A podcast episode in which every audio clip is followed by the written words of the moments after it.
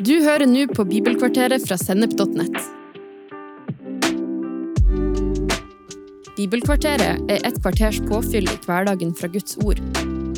Både til inspirasjon og introduksjon til viktige tema i Bibelen.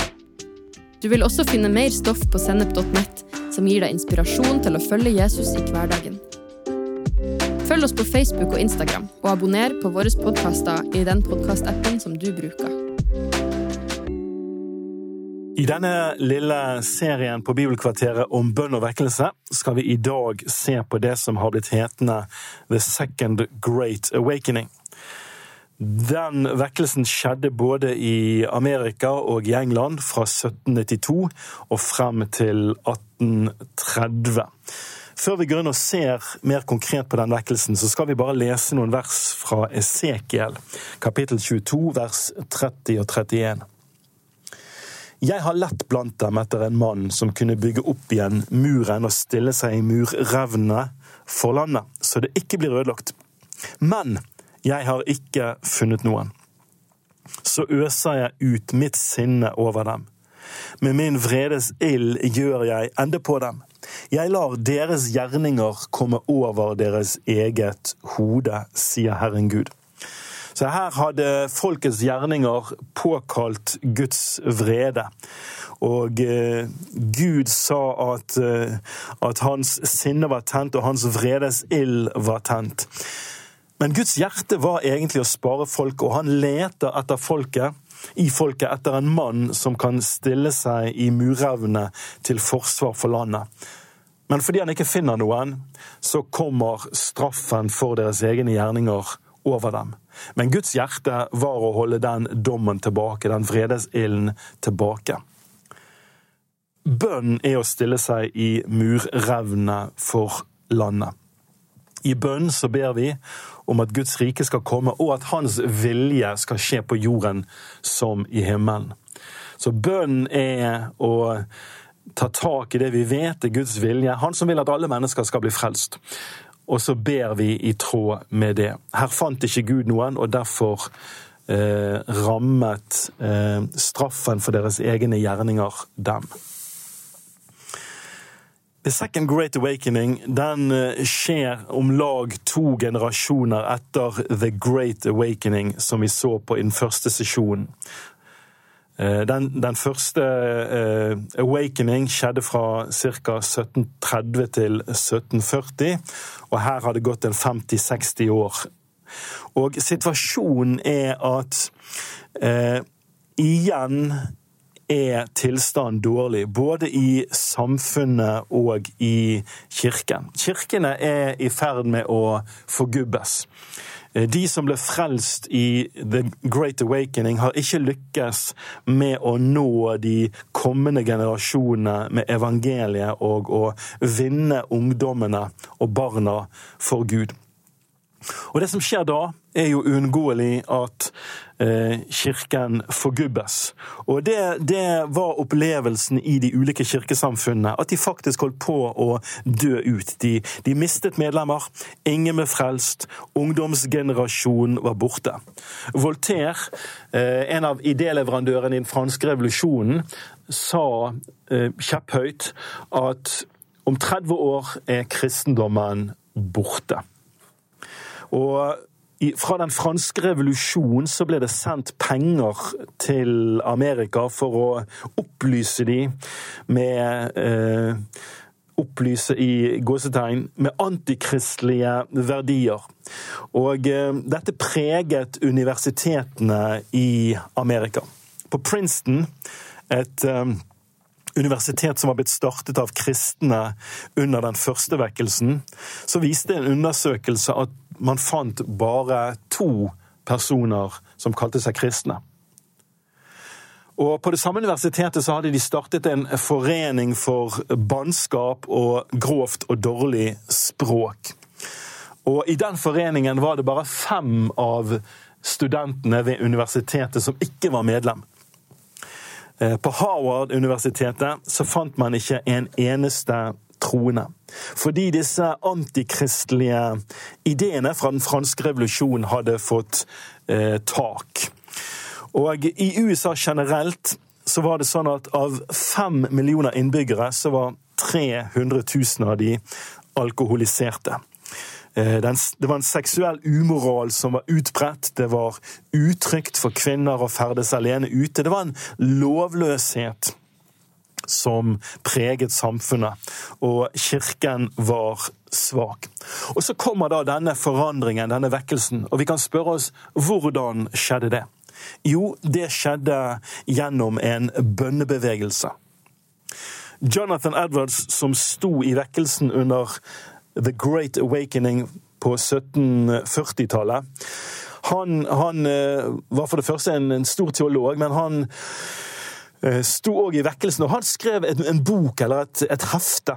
Og det heftet hadde denne tittelen. Et ydmykt forsøk på å framme eksplisitt enighet og synlig enhet blant alt Guds folk i ekstraordinær bønn for religiøs vekkelse og utbredelse av Kristi rike i henhold til løfter fra Skriften og profetier om den siste tid. Så det var jo en utrolig lang og eh, innholdsrik eh, eh, tittel på en bok. Men dette var altså en, en, bok eller et hefte som kalte til ekstraordinær bønn for vekkelse. Med andre ord at du eh, ytet en ekstra innsats, enten det var å være oppe hele natten og be, stå opp tidlig om morgenen for å be, eller hoppe over et måltid for å be. Og Dette var noe som Edwards kalte til i lys av situasjonen. Denne boken ble spredt i England, og det førte til at eh, det, det ble dannet et nettverk av bønnemøter på tvers av England det inkluderte mange forskjellige kirkesamfunn. Og man bestemte seg for at man ville be, sette av én dag i måneden og be om vekkelse. Og Den vekkelsen startet da i 1792 og berørte hele nasjonen. I Amerika så var det sånn at i 1794 så gikk det ut et brev til alle kirkesamfunn med en oppfordring om å sette av tid, ekstra tid i bønn hver måned. Og, og dette, dette kallet til bønn ble godt tatt imot, og det ble dannet et nettverk av bønn over hele nasjonen. Og så startet det en vekkelse i 1796 som var blitt en mer generell vekkelse i 1798. Og fra å opplever at vi er truet med å bli eh, si, utradert som kirke. Vi, vi, forgubbingen går sin gang, og snart er det ikke flere av oss igjen i det hele tatt. Fra å være der så blir plutselig kirkene nedrent. Eh, det, det, det, berettes om ungdommer som fikk syndenød på dansegulvet, ungdommer som fikk syndenød på skjenkestedene, og de søkte til kirken. Og dette er berørte hele nasjonen Amerika. Et eksempel eh, har vi fra Kentucky. Kentucky var en stat som på en spesiell måte var preget av lovløshet. Eh, det hadde vært én rettssak der, rapporteres det, på fem år. Så det var på en måte plassen der du dro hvis du hadde begått en alvorlig kriminell handling.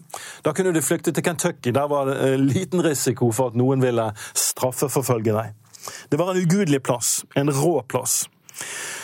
Eh, der var det en eh, pastor som het James McGrady. Han var en skotsk irre. Og han var pastor for tre små menigheter. Eh, I en parentes bemerket så, så sies det at han var kjent for utseendet sitt. Ikke fordi han var spesielt pen, men Eh, heller fordi han var eh, mindre pen. Og folk tenkte det at oi, er den mannen en forkynner? Han må jo virkelig ha noe å si hvis folk går for å høre på han. Eh, uansett, han eh, fikk menigheten til å be for seg 30 minutter hver lørdagskveld og hver søndagsmorgen.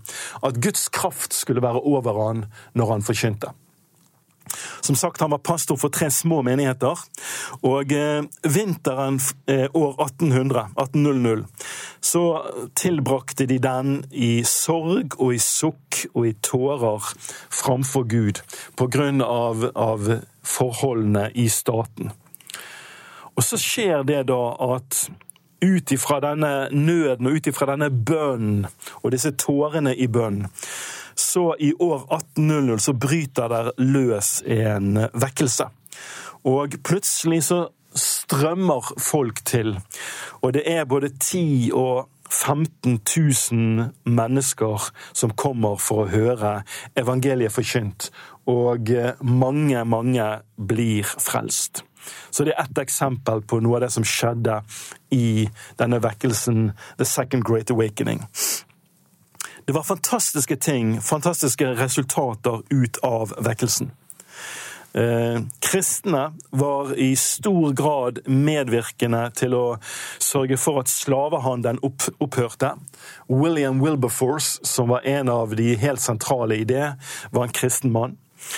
Eh, Skole for alle, allmennskole, var eh, en idé som ble båret fram av kristne. Tidligere så hadde utdanning og skolegang vært for de rike og privilegerte, men kristne løftet fram tanken om allmennskole.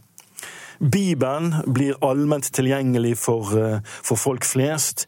De første amerikanske misjonsselskapene blir startet i denne perioden. Og det var en, en skikkelig vekkelse på universitetene i Amerika. I 1860 i Midtvesten så var det 180 universiteter, og 144 av de var startet av kristne. Så i oppsummering så kan vi si at både i, i Storbritannia eller England og Amerika så ble disse store vekkelsene startet gjennom et bredt bønneengasjement i Guds folk.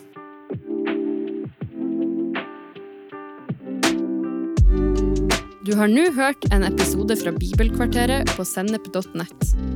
Du vil også finne mer stoff på sennep.nett som gir deg inspirasjon til å følge Jesus i hverdagen.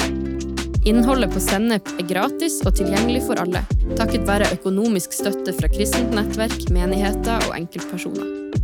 Du kan også hjelpe oss ved å be for oss, dele innholdet vårt med venner og bekjente, rate podkastene i den podkastappen du bruker, eller ved å gi en gave på VIPS. VIPS nummer 54 66 68. Takk for at du lytta til sennep.nett.